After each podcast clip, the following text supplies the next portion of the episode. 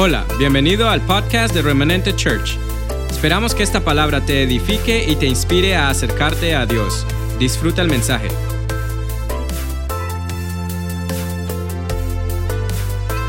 El título de la palabra de hoy, olvida todo eso. Un título que no parece que vaya en línea con la palabra, pero nos vamos a sorprender. Olvida todo eso. Ese es el título. Hemos aprendido que Dios siempre quiere que avancemos al cumplimiento de lo que Él ha dicho acerca de nosotros. Yo voy a citar cosas aquí que hemos aprendido en esta casa, que hemos compartido en esta casa. Hemos aprendido en esta casa que Dios siempre quiere que avancemos al cumplimiento de lo que Él ha dicho acerca de ti y de mí, al cumplimiento de su propósito. En ese trayecto, en ese camino, hemos entendido que vivir y establecer el reino de Dios en nuestra vida, en nuestras vidas, en nuestra familia y comunidad hace parte de lo mismo. Eso lo hemos aprendido aquí. Esto es un resumen para lo que vamos a compartir. También hemos aprendido que lo que vivimos, las experiencias personales que nosotros vivimos, las que estamos viviendo en este momento, hacen parte del mismo propósito, aun cuando nos equivocamos. Cuando nos equivocamos, pastor, sí, aun cuando nos equivocamos. Cuando cometemos errores, ¿me quiere decir, pastor? Sí, aun cuando cometemos errores. Pastor, yo no me acuerdo de eso. Ok, como no te acuerdas de eso, yo te lo voy a leer. Voy a leer rápidamente, lo voy a buscar aquí. Salmos 37. Dice así.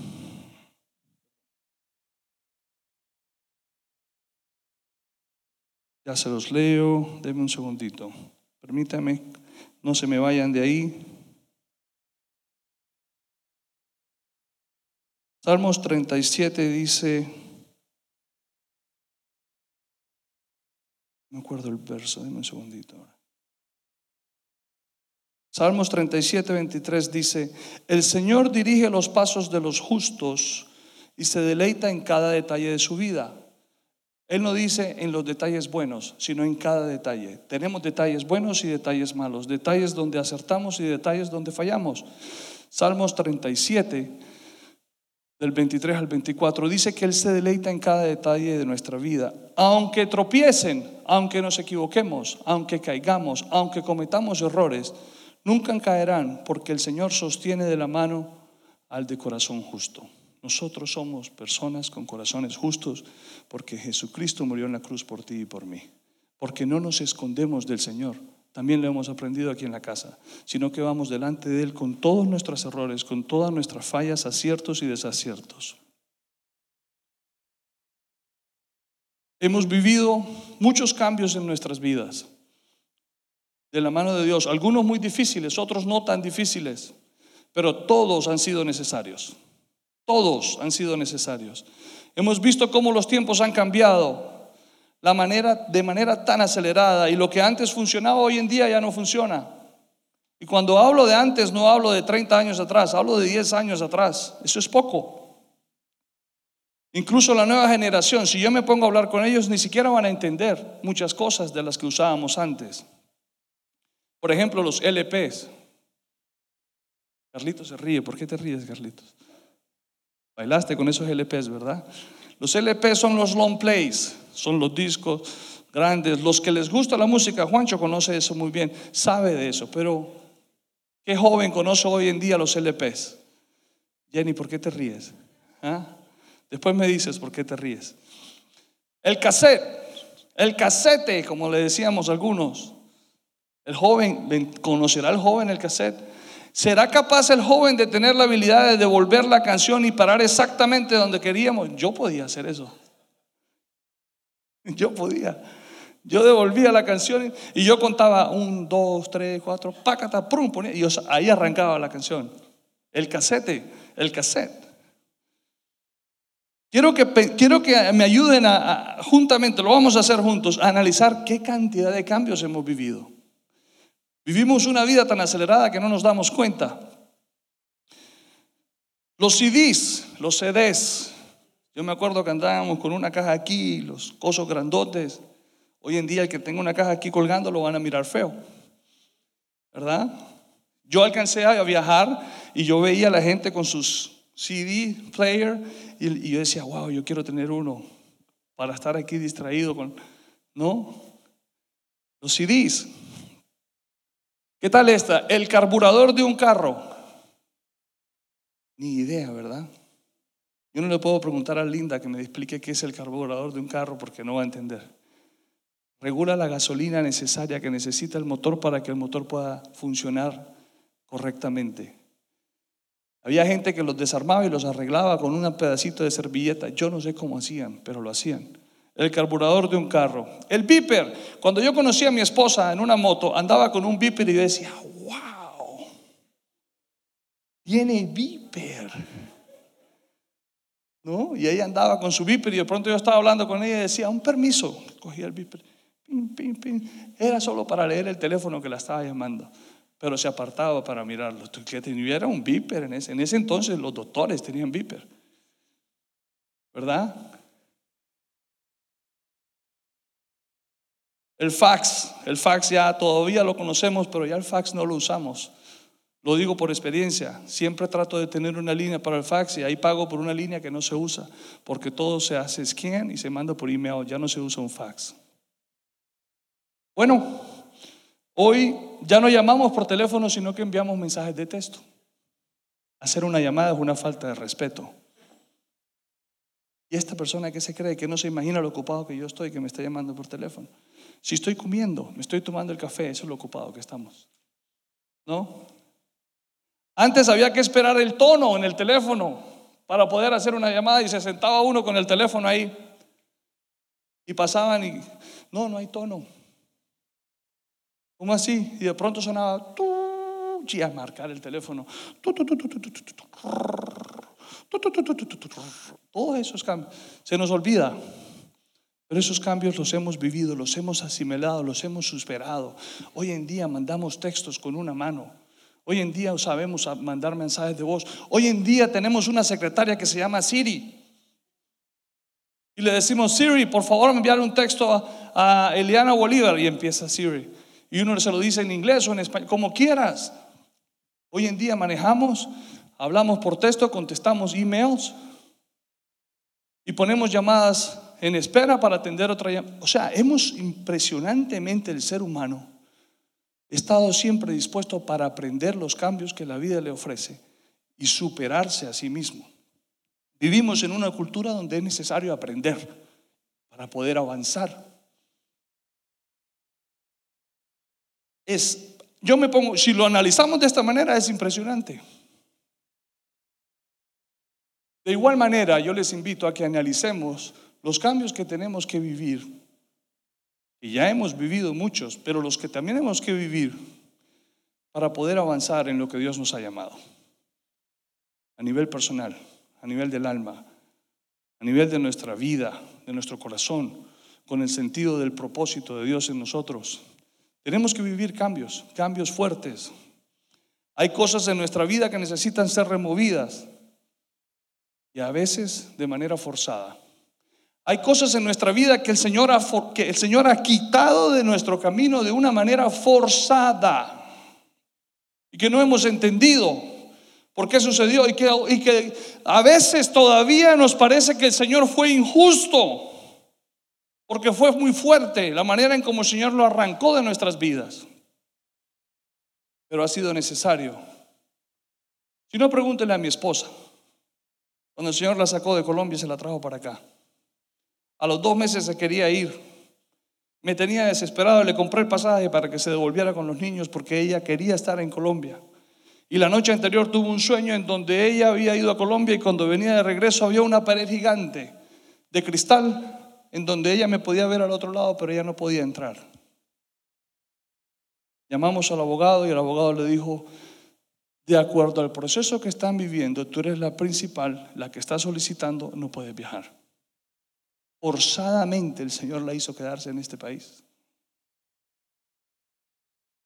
Forzadamente el Señor nos ha llevado a vivir cosas que quizás son injustas a nuestro parecer pero son necesarias para lo que Dios quiere hacer. No porque tú sientas, porque no se trata de lo que nosotros sentimos, sino del propósito de Dios en nuestra vida. No porque tú sientas, sino porque las necesitas. ¿O ustedes creen que el niño cuando se disciplina, él, él siente la necesidad de la disciplina? El niño no siente esa necesidad, pero la necesita. De igual manera, no importa la edad que tengamos, se los he dicho también, lo hemos aprendido en esta casa, no importa la edad que tengamos, para el Señor somos sus hijos, somos sus niños. Él quiere todo el tiempo corregir y ayudarlos a ser mejor. Corregir para que puedan llegar al propósito de lo que Él dijo. Corregir porque Él está sentado esperando el cumplimiento de lo que Él dijo. Y déjeme decirle, Isaías nos enseña que ninguna palabra que sale de la boca del Señor vuelve a Él vacía, sino que cumple el propósito para el cual fue enviada. Dios va a cumplir todo lo que ha dicho acerca de nosotros lo que pasa es que las formas no siempre van a ser como nosotros queremos. Pero de que cumple, cumple. De que cumple, cumple. Es más, les digo algo, hay cosas en nuestra vida que Él ya ha cumplido y por nosotros esperar que Él las haga en las formas que nosotros queremos, no nos hemos dado cuenta que ya estamos caminando en ese cambio. Ya Él las cumplió. Hay promesas de bendición en nuestra vida en donde nosotros estamos, las hemos imaginado de una forma y por estar esperando esa forma no nos hemos dado cuenta que ya hace rato estamos caminando en ellas. La provisión, la salud, la gracia, el favor. Yo conozco personas en esta casa que el Señor las ha llevado a trabajar con el gobierno cuando llegaron a este país sin papeles. Sí.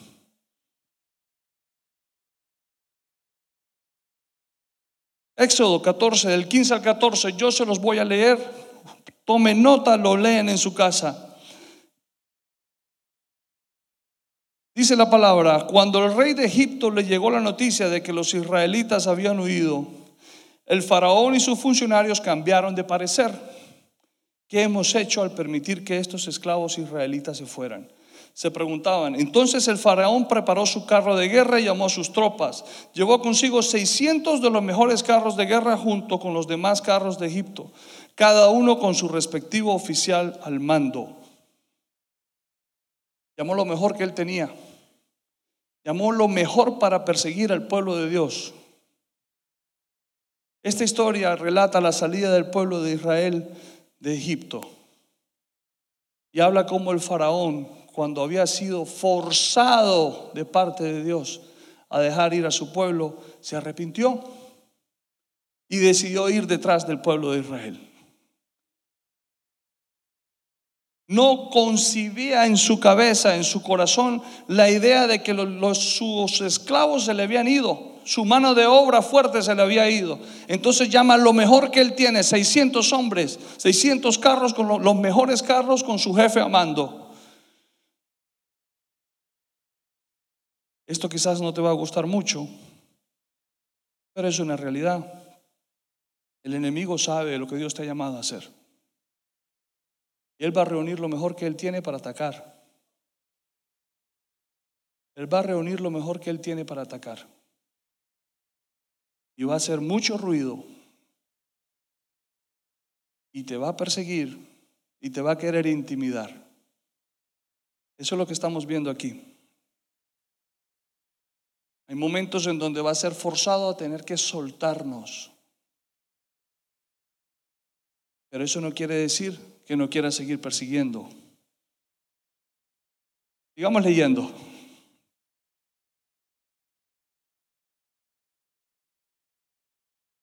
cada uno con su respectivo oficial al mando. Así que el Señor endureció el corazón del faraón, rey de Egipto, quien por lo tanto salió a perseguir a los israelitas los cuales se habían marchado con puños en alto en señal de desafío, se habían ido así, dándole la espalda a Egipto, convencidos del llamado de Dios, convencidos de estar caminando en lo que Dios les había dicho, convencidos de experimentar la libertad que el Señor había traído a ellos, porque eso lo hizo el Señor, porque escuchó sus oraciones, su ruego, su clamor, su dolor, su angustia, su desesperación.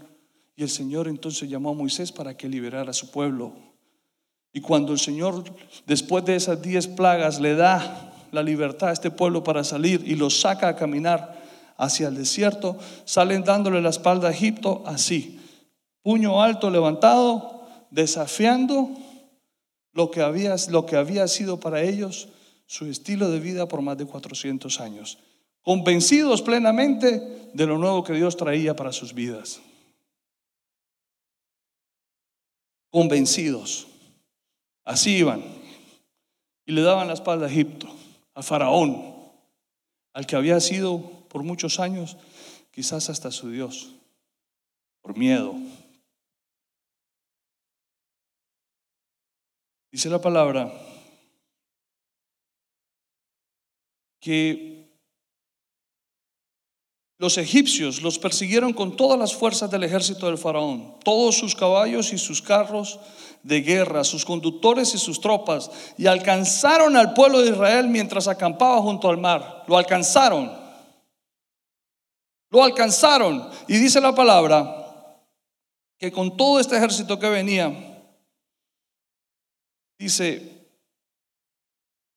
mientras acampaba cerca frente a Baal Zephón, mientras el faraón se acercaba, los israelitas levantaron la vista y se llenaron de pánico al ver que los egipcios los alcanzaban. ¿A cuántos nos ha pasado eso?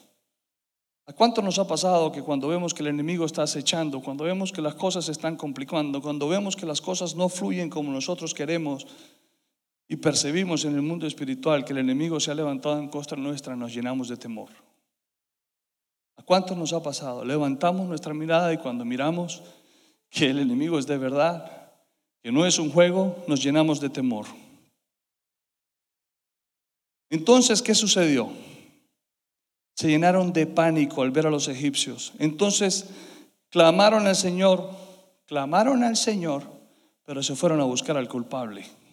¿A cuánto nos pasa que nos ponemos a orar, pero empezamos a buscar al culpable?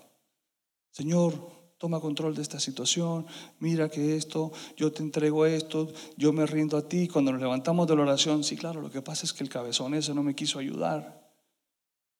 Y yo le llamé y le pedí el favor y se negó. Dice la palabra, aquí está en la palabra, dice, clamaron al Señor y le dijeron a Moisés, ¿por qué nos trajiste aquí a morir? Pero entonces, ¿qué pasó con el clamor que habían hecho? Y dice, ¿por qué nos trajiste aquí a morir? En el desierto? ¿Acaso no había suficientes tumbas para nosotros en Egipto? ¿Qué nos has hecho? ¿Por qué nos obligaste a salir de Egipto? No te dijimos que esto pasaría aún cuando estábamos en Egipto. Te dijimos, déjanos en paz, déjanos seguir siendo esclavos de los egipcios. Es mejor ser un esclavo en Egipto que un cadáver en el desierto. Por favor, ¿eso qué es? Yo he escuchado un dicho que dice, es mejor ser cola de ratón vivo que cabeza de león muerto. Por favor. ¿Eso qué es? Eso era lo que estaban diciendo ellos aquí. Es mejor ser esclavo en Egipto que un cadáver en el desierto. ¿Y qué pasó con esto? ¿Dónde quedó esto? ¿Dónde quedó ese desafío, esa fe? ¿O será que era emoción? ¿Será que nos movemos por emociones y no por transformación en nuestras vidas? Porque dice que clamaron al Señor, pero se fueron a buscar al culpable.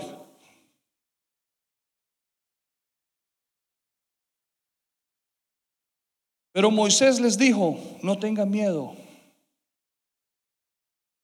No, tengamos, miedo, iglesia. ¿Les parece poquito la persecución que hemos tenido en el año 2020? Y hemos empezado el 2021 y ya está la vacuna, pero dicen que para hasta, hasta verano es que vamos a estar todos listos. Aquí estamos usando todavía tapabocas. Y nos llenamos de temor. Sí, hay que cuidarnos, pero no llenarnos de pánico ni de temor. Dice, no tengan miedo. Solo quédense quietos y observen cómo el Señor los rescatará hoy. Esos egipcios que ahora ven, jamás volverán a verlos. En otras palabras, les está diciendo, no tengan miedo. Olvídense de eso. Porque no los van a volver a ver. Este virus no va a ser para siempre en nuestras vidas. Ya el Señor está orando y el tiempo llegará en donde no lo vamos a volver a ver. donde nada tendrá en nosotros. Dice, jamás volverán a verlos, jamás. El Señor mismo peleará por ustedes, solo quédense tranquilos. Hemos sido enseñados en la necesidad de que tenemos que aprender, pero ¿qué de aquello de lo que tenemos que desaprender? Nos han enseñado de todo lo que tenemos que aprender para poder mantenernos a la vanguardia de la tecnología, a la vanguardia del día de hoy, de lo que exige el, el sistema allá afuera. Pero ¿qué de lo que tenemos que desaprender? De esas formas que hemos aprendido y que no queremos soltar. De esa manera de hacer negocios y que no queremos cambiar de esa manera de, planear una reunión, de planear un meeting, de planear una cita con alguien. Caminando en el Evangelio, pero en la vieja manera de vivir. ¿Qué de lo que tenemos que desaprender? Esa forma equivocada de hablar con nuestros hijos, de tratar a nuestros padres, la manera equivocada en la que hemos tratado a nuestros padres. Yo he dicho esto antes y lo vuelvo a decir, es verdad, funciona, póngalo en práctica. Joven, si tú sientes que tu padre no ha sido justo contigo, si tú sientes que tu padre o tu madre te han fallado, pero tú quieres ser un mejor padre o una mejor madre, asegúrate de ser un buen hijo. Asegúrate de ser un buen hijo. Allí vas a aprender a ser un buen padre o una buena madre asegúrate de ser un buen hijo. No, pero es que si supiera usted, pastor, todo lo que me hizo, asegúrate de ser un buen hijo. Honra a padre y madre para que todo te salga bien, para que tenga largos días.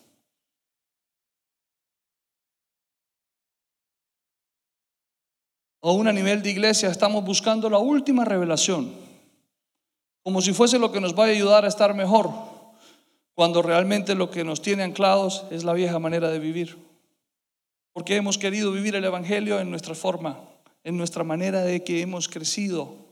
Así hemos querido, así hemos querido vivir el Evangelio, pero estamos buscando la última revelación. ¿Qué es lo último que el Señor tiene para nuestras vidas? Bueno, pero ¿qué de lo que tenemos que dejar de hacer?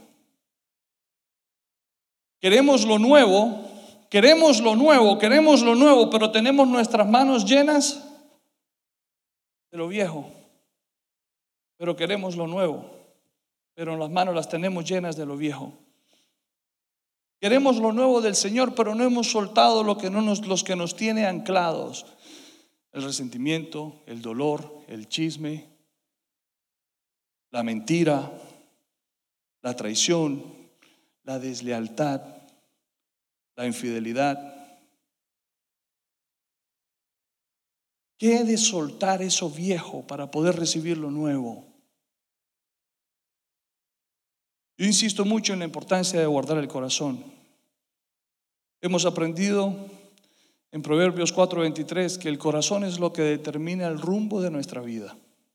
Aquí lo hablamos. En, esa, en esa palabra que compartimos, no olvides tu GPS. Si quieres buscarla en internet y la encuentras. Es nuestro corazón y determina el rumbo de nuestra vida. Acerca de David, porque ese día hablamos de David, Dios dijo que era un hombre conforme al corazón de Dios. Es increíble que Dios pueda referirse así acerca de una persona. ¿Cómo logró David que Dios expresara acerca de él así? ¿Les gustaría saber qué hizo David para que Dios se pudiese expresar acerca de él de esa manera? La pregunta que yo me he hecho, Señor, ¿puedo yo algún día lograr que tú te expreses de mí de esa manera? Que yo, tengo, que yo soy un hombre conforme a tu corazón. ¿Podré yo hacer eso? Estamos hablando del rey David. ¿Puedo yo, Señor? ¿Podemos, Señor? ¿Puede la iglesia decir, puede remanente decir que tiene un corazón conforme, que, que es que tiene una vida y que es conforme al corazón de Dios. ¿Puede la iglesia decir esto?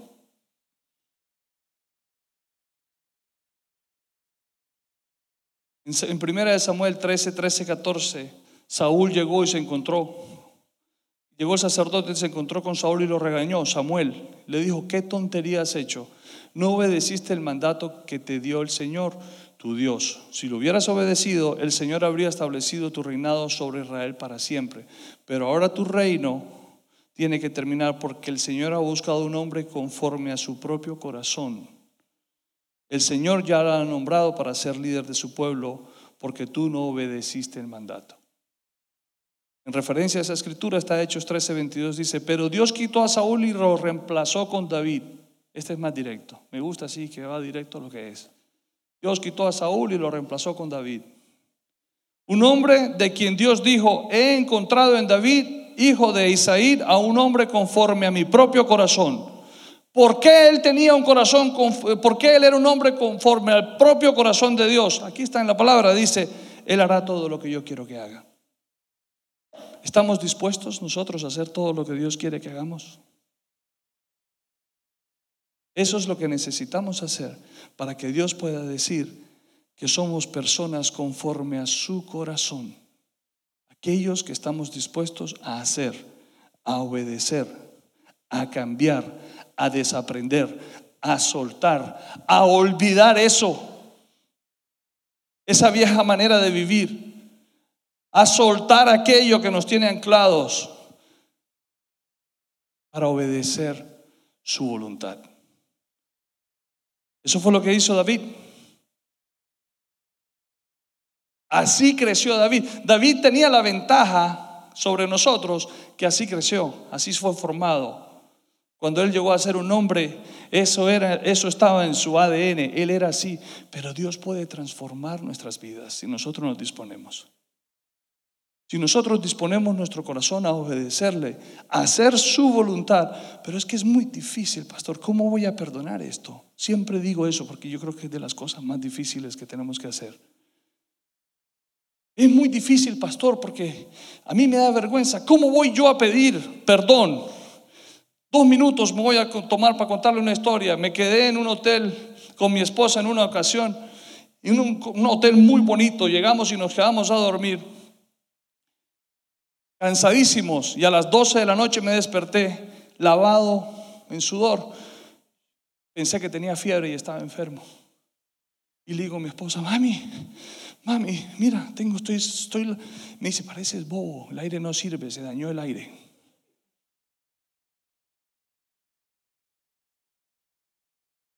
Cogí el teléfono y llamé al front desk, llamé al muchacho, me contestó, le dije, mira, tenemos el aire dañado, estoy lavado en sudor, aquí hace muchísimo calor, ¿qué podemos hacer? No se preocupe, desde aquí yo le arreglo eso, señor Uribe, usted va a ver que en 10 minutos ese cuarto está súper frío.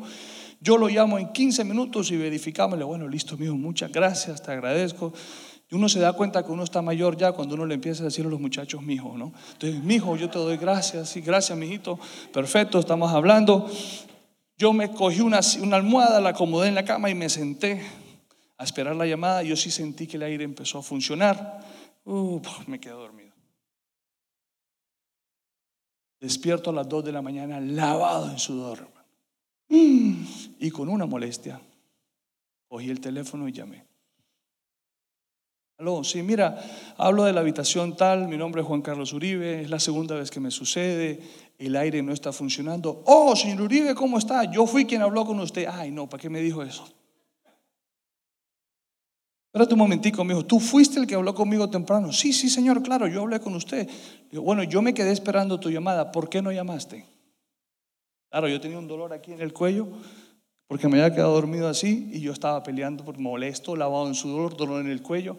Y yo estaba defendiendo a mi esposa porque ella me despertó y me dijo, papi, hace calor otra vez. Y yo me molesté porque como es que mi esposa también tiene calor y yo estoy... Y empecé a pelear con el muchacho. ¿Qué falta de respeto es esa? Por favor, ¿cómo es posible que usted me haga esto? Y ping, ping, tío. Pero mejor dicho, como dicen, le llené su como dicen en Colombia. Colgué el teléfono, molesto. Señor Uribe, le, le, ofrezco entonces otra habitación. Haga lo que tenga que hacer, que sea lo que usted considere necesario, pero yo no lo dejaba casi ni hablar de la molestia que tenía. Ya mismo le mando a alguien, espero que sea verdad, esta vez no me voy a quedar dormido. No, sí, señor, ya a ver, le llegan a tocar la puerta en un ratito. Colgué el teléfono y cuando colgué el teléfono, me volteé así y encuentro a mi esposa sentada en la cama. Cuando la esposa de uno está sentada a las dos y media de la mañana en la cama para hablar con uno, hermano, a correr. ¿No? Sentada ella con sus pelos así. Y me volteó a mirar y prendió la luz. No, prendió la luz. Hermano, cuando esa mujer prende la luz, ay mamita mía, yo volteé todo, ¿no? Te defendí, mi amor. Me dice ella, ¿cómo es posible?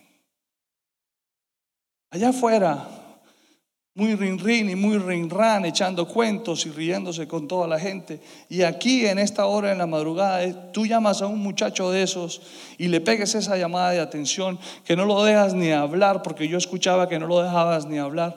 Yo quiero que tú me digas a mí y respóndeme esta pregunta y piénsalo bien antes de contestarme. Y yo me quedé. Yo quiero que tú me expliques a mí cómo se siente ese muchacho ahora. Mm. Yo quería tirarme del séptimo piso, estábamos en un séptimo piso. Yo me quería tirar por esa ventana. Yo la volteé a mirar, pero miraba para adelante. Y yo pensaba en todo lo que me había dicho y siguió de ahí para adelante. Y el domingo te vas a parar y vas a predicar. Oh Dios. ¿Y yo cómo hago? ¿Cómo me salgo de esta? Y tiene toda la razón. En los momentos más difíciles de nuestra vida, en los momentos, a veces, esto es lo que nos sucede, esperamos esos momentos difíciles de nuestra vida como un gran evento. Son en las cosas pequeñas en donde es probado nuestro temperamento y en donde podemos demostrar si de verdad somos transformados si de verdad hemos sido transformados. En las cosas pequeñas del día a día, en cómo yo trato a mi hijo en la mañana y le brindo un desayuno, un café, un jugo, o simplemente lo veo feo, maluco porque no se ha lavado la cara, le digo, aquí no venga, para, vaya a lavarse la cara. En esos pequeños momentos es donde estamos llamados a demostrar la diferente que somos. Llegó el muchacho, tocó la puerta y nos llevaron a otra habitación. Ah, no, aquí sí tengo que contar esto. No, tú me has hecho unas ahí sentado, ponte el cinturón. Y llegó el muchacho allá afuera, yo, yo llegué, a abrir la puerta, no. ¿Cómo estás, mijo? ¿Cómo te ha ido? Señor Uribe, mire, aquí tengo la llave, por favor, sígame. Sí, claro, mijo. A mí llegaron por nosotros. Vamos, se para la señora, ¿no? Tenía un pantalón de tigrillo y ella no se dio cuenta, tenía una camisa de cuadros puesta. Esa era la pijama que había escogido del cansancio que tenía. Salió con los pelos así y venía dormida. No les miento, las chancletas estaban al revés. Y ella iba caminando así. Y yo volteé a mirarla. No les exagero. Aquí, en la mano izquierda, apretadito hacia el pecho, llevaba los pasaportes. Ella no se iba a quedar. Sus pasaportes para viajar. Yo decía, Dios mío, dormía y todo y no deja los pasaportes. Ella siempre está lista para viajar. Llegamos a la habitación, historia larga más corta, nos levantamos al día siguiente a las 7 de la mañana lavados en sudor otra vez porque el aire tampoco funcionó. Y me desperté yo lavado en sudor, ya me había cambiado la camiseta tres veces y la volteé a mirar a ella y ella estaba más lavada en sudor que yo, pero como me había regañado, mm, no me había podido decir nada. Y como a mí me habían regañado, yo, mm, mm, yo no podía decir nada. Bajamos a la parte del frente, teníamos que salir a hacernos un examen. Me acerqué al muchacho, se llama Efraín, todavía me acuerdo. Efraín, ¿cómo está, amigo? Señor Uribe, qué pena con usted, es una vergüenza lo que nos ha pasado. ¿Cómo durmió anoche? Mijo, dormí muy bien, pero el aire no sirve tampoco. No puede ser. Usted tiene toda la razón. Y yo le dije, mira, mijo, de pronto yo tengo la razón, pero eso no me da a mí el derecho de tratarte mal. Yo puedo tener la razón, pero yo no puedo usar esa razón y tratarte mal. No es la forma. Por favor, discúlpame. te pido disculpas porque no me siento bien y lo del aire al final del cabo pasa a segundo plano, porque para mí lo importante es que tú estés bien. Pero es que usted tiene la razón y yo le dije, nos han enseñado en la industria del servicio que el cliente siempre tiene la razón. Y quizás el calor y el desespero, el megenio, el cansancio me da la razón, pero no me justifica para tratarte mal. Discúlpame, de verdad que sí, me siento mal. Señor Uribe, nadie nunca me ha dicho esto, recibo sus disculpas. Al final del día, cuando nos fuimos, le dije, lo que siempre nos vamos a recordar y aprendamos esto, no es el comienzo, sino el final. Los seres humanos tenemos una memoria corta, no es el comienzo, sino el final. Podemos tener un mal comienzo, pero si tenemos un lindo final, eso es lo que nos vamos a llevar. Y eso fue lo que yo me traje y eso fue lo que él se llevó y eso marcó la diferencia y chin chin gané puntos con mi esposa. Tenía que hacerlo. Yo no sé cómo, pero la tenía que hacer. Quiero cerrar. Quiero que por favor suba la alabanza. Iglesia remanente. Se nos fue el tiempo. Quisiera seguir compartiendo de lo que Dios nos ha dado. Y lo vamos a hacer, vamos a tener la oportunidad de seguir haciéndolo. Es muy probable que empecemos a hacer series, porque lo que Dios nos está dando es largo, es extendido y es para cambiar vidas. Quiero que por favor nos pongamos de pie. Quiero que por favor dispongamos nuestro corazón, porque vamos a ser ministrados por el Espíritu Santo de Dios. Quiero que se preparen ahí donde están. Mientras usted lo hace, yo oro. Padre, te pido, Señor, Espíritu Santo de Dios, seas tú directamente obrando en cada corazón, en cada vida. Te pedimos, Señor, que seas tú trayendo la convicción a nuestras vidas para, para olvidar eso para olvidar eso que nos tiene anclados, para desaprender lo que no nos deja avanzar, para perdonar, para soltar la amargura, para soltar el dolor, para soltar la desesperanza, para soltar la decepción. Olvidamos eso, Señor. Te pedimos, Espíritu Santo de Dios, que seas tú ministrando, que seas tú sanando en esta hora.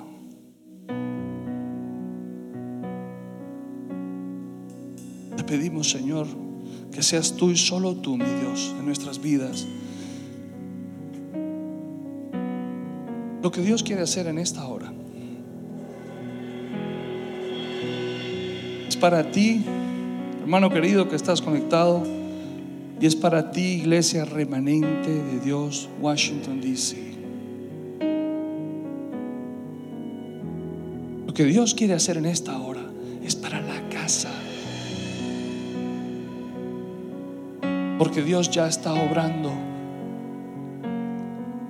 Dios ya lo está haciendo. Dispón tu corazón a recibir, a recibir lo que Dios está haciendo.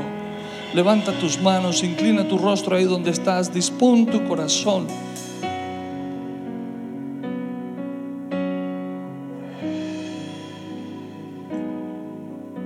No imitemos las costumbres ni las conductas de este mundo. No nos conformemos con lo que hemos vivido. Más bien dejemos que Dios transforme nuestras vidas en personas nuevas. Cambiando nuestra manera de pensar. Entonces aprenderemos a conocer la voluntad de Dios para nosotros, la cual es buena, agradable y perfecta. Romanos 12.2 lo dice. No nos conformemos, iglesia. No es tiempo de conformarnos. No, yo estoy bien. No te conformes. Dios quiere más para tu vida. No te conformes. No, pero a mí no me hace falta nada. No te conformes. No te hace falta nada, pero Dios te quiere usar para bendecir a muchos. No te conformes. Yo estoy solo. Yo estoy sola y a mí no me hace falta una pareja. No te conformes. Eso te lo dice el sistema. Pero la palabra te habla de tener familia. No te conformes. No pierdas la esperanza. No dejes de confiar. Es el año de confiar, obedecer, vivir en integridad y obediencia. Es el año de no escondernos delante de Dios, sino que llegar delante de Él tal y como somos. Es el año en donde nosotros tenemos la oportunidad de soltar lo viejo para abrazar lo nuevo. Remanente, Dios quiere hacer cosas grandes con nosotros. Remanente, Dios ya está haciendo cosas grandes en la casa. Remanente, Dios está obrando sobrenaturalmente en esta casa. Remanente, hemos de ver finanzas que jamás hemos visto, que jamás hemos soñado. Remanente, este lugar quedará pequeño. Remanente, este lugar ya es pequeño. Remanente, di sí. Este lugar nos quedó pequeño. Si juntamos la gente que está conectada más lo que venimos aquí, ya no cabemos. Remanente, Dios está obrando en nuestro corazón. Dios está obrando en nuestra iglesia. Dios está haciendo cosas grandes. Remanente, no, la pregunta no es, la pregunta no es, ¿cómo hacemos la iglesia en este tiempo? La pregunta es, ¿cómo vamos a hacer la iglesia de este tiempo? ¿Cómo somos la iglesia de este tiempo? Somos la iglesia de este tiempo si dejamos y, y nos dejamos transformar por el Señor. Mi esposa y yo vamos a orar por ustedes. Mi esposa y yo vamos a ministrar desde aquí. Pero quiero que alabemos al Señor una vez más. Quiero que dispongamos nuestro corazón para recibir.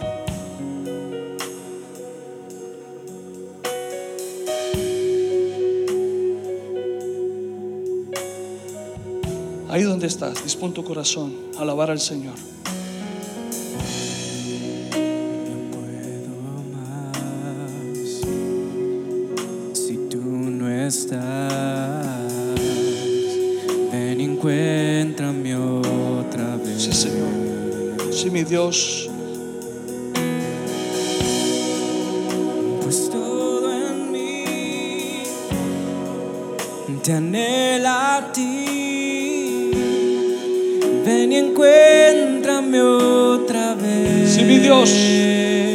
Aquí estamos, Señor. No puedo más. Sí, Señor. Si tú no estás. Ven y encuéntrame otra Apartados de ti nada somos, Señor. Pues todo en mí. Todo, Señor, todo, mi Dios. Te anhela a ti. Ven y encuéntrame otra vez.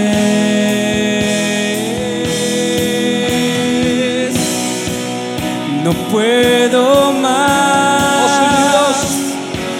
tú estás trabajado, cargado, la palabra dice, todos los que están cargados y trabajados, venid a mí, yo los haré descansar. Este es el momento de traer nuestras cargas a Él.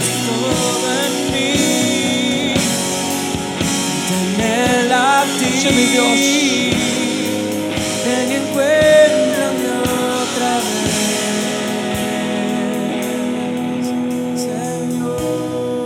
Esto dice el Señor tu redentor. Esto es para la casa, iglesia. Esto es para tu vida. Esto es para tus generaciones. Esto es para nosotros. Esto dice el Señor, nuestro redentor, el Santo de Israel. Por tu bien enviaré un ejército contra Babilonia y obligaré a los babilonios a huir en esos barcos de los que están tan orgullosos. Por tu bien voy a acabar con todos los enemigos.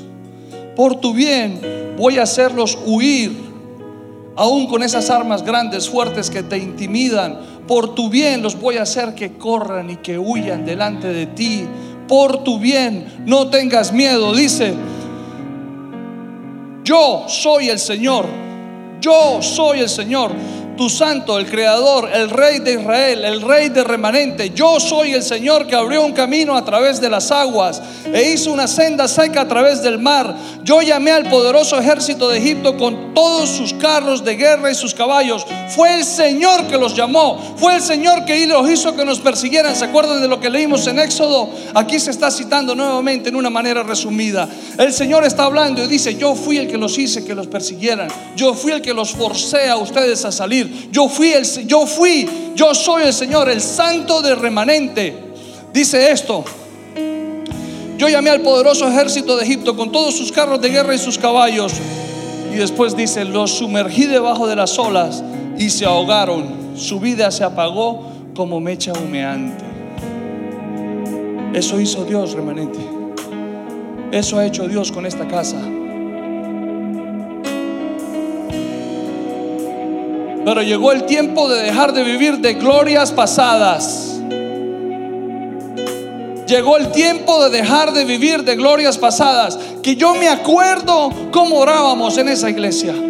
Que yo me acuerdo cómo hacíamos liberación que yo me acuerdo que un ángel me ayudó, que yo me acuerdo cuando el Señor me pagó tal deuda, que yo me acuerdo cuando mi hermano se sanó, que yo me acuerdo glorias pasadas. Aún de esas cosas quiere el Señor que nos olvidemos. ¿Cómo así, pastor? Si son testimonios, son testimonios y siempre serán testimonio y siempre serán verdad. Pero no podemos estar amarrados a eso si queremos lo nuevo de Dios para este tiempo. Su gloria va a ser mayor en este tiempo. Los milagros van a ser mayores en este tiempo. Mucho más de lo que ya hemos visto.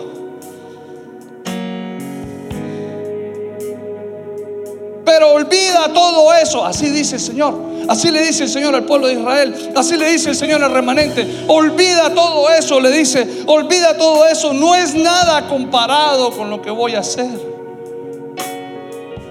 Pues estoy a punto de hacer algo nuevo. Mira, ya he comenzado. Ya está pasando. En seis días de ayuno, siete con este. O no lo estamos viendo ya. Como los jóvenes de esta casa traen palabra. Jóvenes, yo necesito lo que Dios te dio. Yo lo necesito, yo necesito sentarme ahí y escuchar lo que Dios te dio. Yo lo necesito. Dice, ¿no lo ves? Haré un camino a través del desierto. Ya no va a abrir el mar rojo como lo hizo. Ya lo hizo. Eso ya lo hizo. Eso quedó atrás. Estamos aquí en Estados Unidos por un milagro, la gran mayoría de nosotros. Ya eso lo hizo, ya eso pasó. Pero ahora aquí va a abrir camino donde no lo hay. Cuando el pueblo estaba en el desierto, el Señor dice, abriré camino en el desierto. El mar ya quedó atrás. Eso ya está allá. Ahora aquí en el desierto voy a abrir camino. Crearé ríos en la tierra árida y baldía. Yo no sé qué problema hay en tu casa. No sé qué área de tu vida está seca, árida y baldía, pero el Señor va a crear ríos. No lo va a mojar, no, va a crear ríos, torrentes de agua vivo van a fluir y van a, van a, van a ver milagros en tu casa, mucho más grandes de lo que ya experimentaste. Los animales salvajes del campo se darán gracias y también los chacales y los búhos por darles aguas en el desierto. Sí, sí, sí, haré ríos en la tierra árida de Baldía para que mi pueblo escogido se refresque. Soltemos lo viejo, iglesia. Dispongamos nuestras vidas a recibir de parte del Señor lo nuevo, lo que es para este tiempo. De hecho, ya Él lo está haciendo, ya lo hizo, porque está ahí, ahí. Ponga su mano aquí y vamos a activar el depósito de Dios para que tú veas lo que Dios ya ha hecho. Ponga su mano ahí. Padre, en el nombre de Jesús, yo te pido que seas tú directamente sobre la vida de cada uno de los que estamos aquí, activando, Señor, lo que ya tú estás haciendo, lo que ya tú has hecho. Señor, olvidamos todo eso para recibir lo nuevo, para recibir lo de este tiempo, para recibir tu unción, tu gracia, tu favor, para ver tus milagros, para ser, Señor, instrumentos en tus manos y llevar tu palabra, para establecer el reino como lo necesita el pueblo hoy en día, como lo necesita la gente. Niña linda, Dios te ha llamado a cosas grandes. A ti te ha llamado, sí, a ti. Es a ti. Dios te ha llamado a cosas grandes. No eres menos que nadie. Tienes un lugar precioso en su corazón. Dios te ha escogido porque tú vas a cambiar la generación. Dios te ha escogido y te ha apartado para Él. De hoy en adelante, donde quiera que vayas, te darás cuenta que Dios te apartó para Él. Sí, a ti. A ti que cuando te miras al espejo dices, yo, a ti. A ti ha escogido el Señor. Donde quiera que vayas. Y así habemos muchos aquí.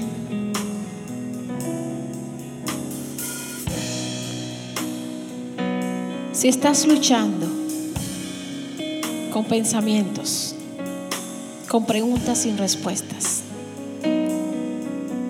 pon tu mano aquí en tu vientre. Yo te formé, yo te creé yo te he rodeado con amor eterno. No hay absolutamente nada que hayas hecho, que hagas y que harás que te apartará de mi propósito y de mi amor. Yo he creado un camino para que tú camines en él y guardaré que no te apartes de él. Yo colocaré personas que no conoces. Personas vendrán de diferentes lugares a rodearte y entenderás que mi amor es sobrenatural y que mi plan se cumplirá en ti. Siente ahí donde estás mi presencia. Siente ahí en tu cuerpo desde tu cabeza hasta la planta de los pies, una presencia de Dios como nunca antes la habías experimentado. No es lo que piensas, no es lo que haces y no es lo que sientes lo que hará mi plan. Así como abrí el mar para que mi pueblo pasara, así como sostengo las estrellas en los cielos, así como abriré camino donde no hay, así tengo cuidado de ti todo espíritu de rechazo, todo espíritu de rechazo en este momento se quebranta en el nombre de Jesús. Toda mentira del enemigo que habla recurrentemente a tu mente. Literalmente tú le has dicho a esas voces que no quieres creer. Dios te está confirmando en esta mañana. Ni siquiera necesitas creer. Él lo hará. Él lo hará. Él lo hará. Él lo hará. Y remanente será testigo. En esta hora yo le hablo a cada mujer que ha sido decepcionada por posiciones equivocadas de hombres en sus vidas, ya sean padres, ya sean tíos, ya sean abuelos, ya sean novios, ya sean esposos. El Señor te dice, yo soy más que eso. Yo soy más que la decepción. Yo soy más que Faraón. Yo soy más que el abandono. Yo soy más que el abuso. Yo soy más que la falta de provisión. Yo soy más que la falta de ejemplo. Yo soy más que el castigo sin motivo. Yo soy más que las miradas llenas de odio sin explicación. Yo soy tu Padre. Yo te he rodeado. Yo he puesto gente para amarte sin explicación. Y te he puesto para que cambies generaciones. Te he puesto para que cambies generaciones. Toda persona que en este año empieza a recibir bendición financiera casi inexplicable, Dios te está anticipando para dejarte saber que es Él.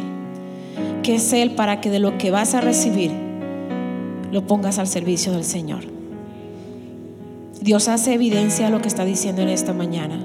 2021, el Señor abrirá finanzas inexplicables en tu vida y el Espíritu Santo te recordará que es para que bendigas a la iglesia. Y entonces, y solo entonces, verá que no fue una casualidad.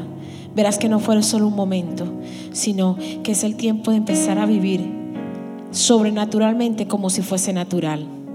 Empezarás a vivir sobrenaturalmente y se volverá natural para ti. Bendecirás a muchos en gran manera. Vivirás para bendecir a muchos sobrenaturalmente. Y eso será natural para ti. Y verá la tierra que yo soy Dios. Jóvenes remanentes, de toda remanente, de toda Colombia y de Ecuador.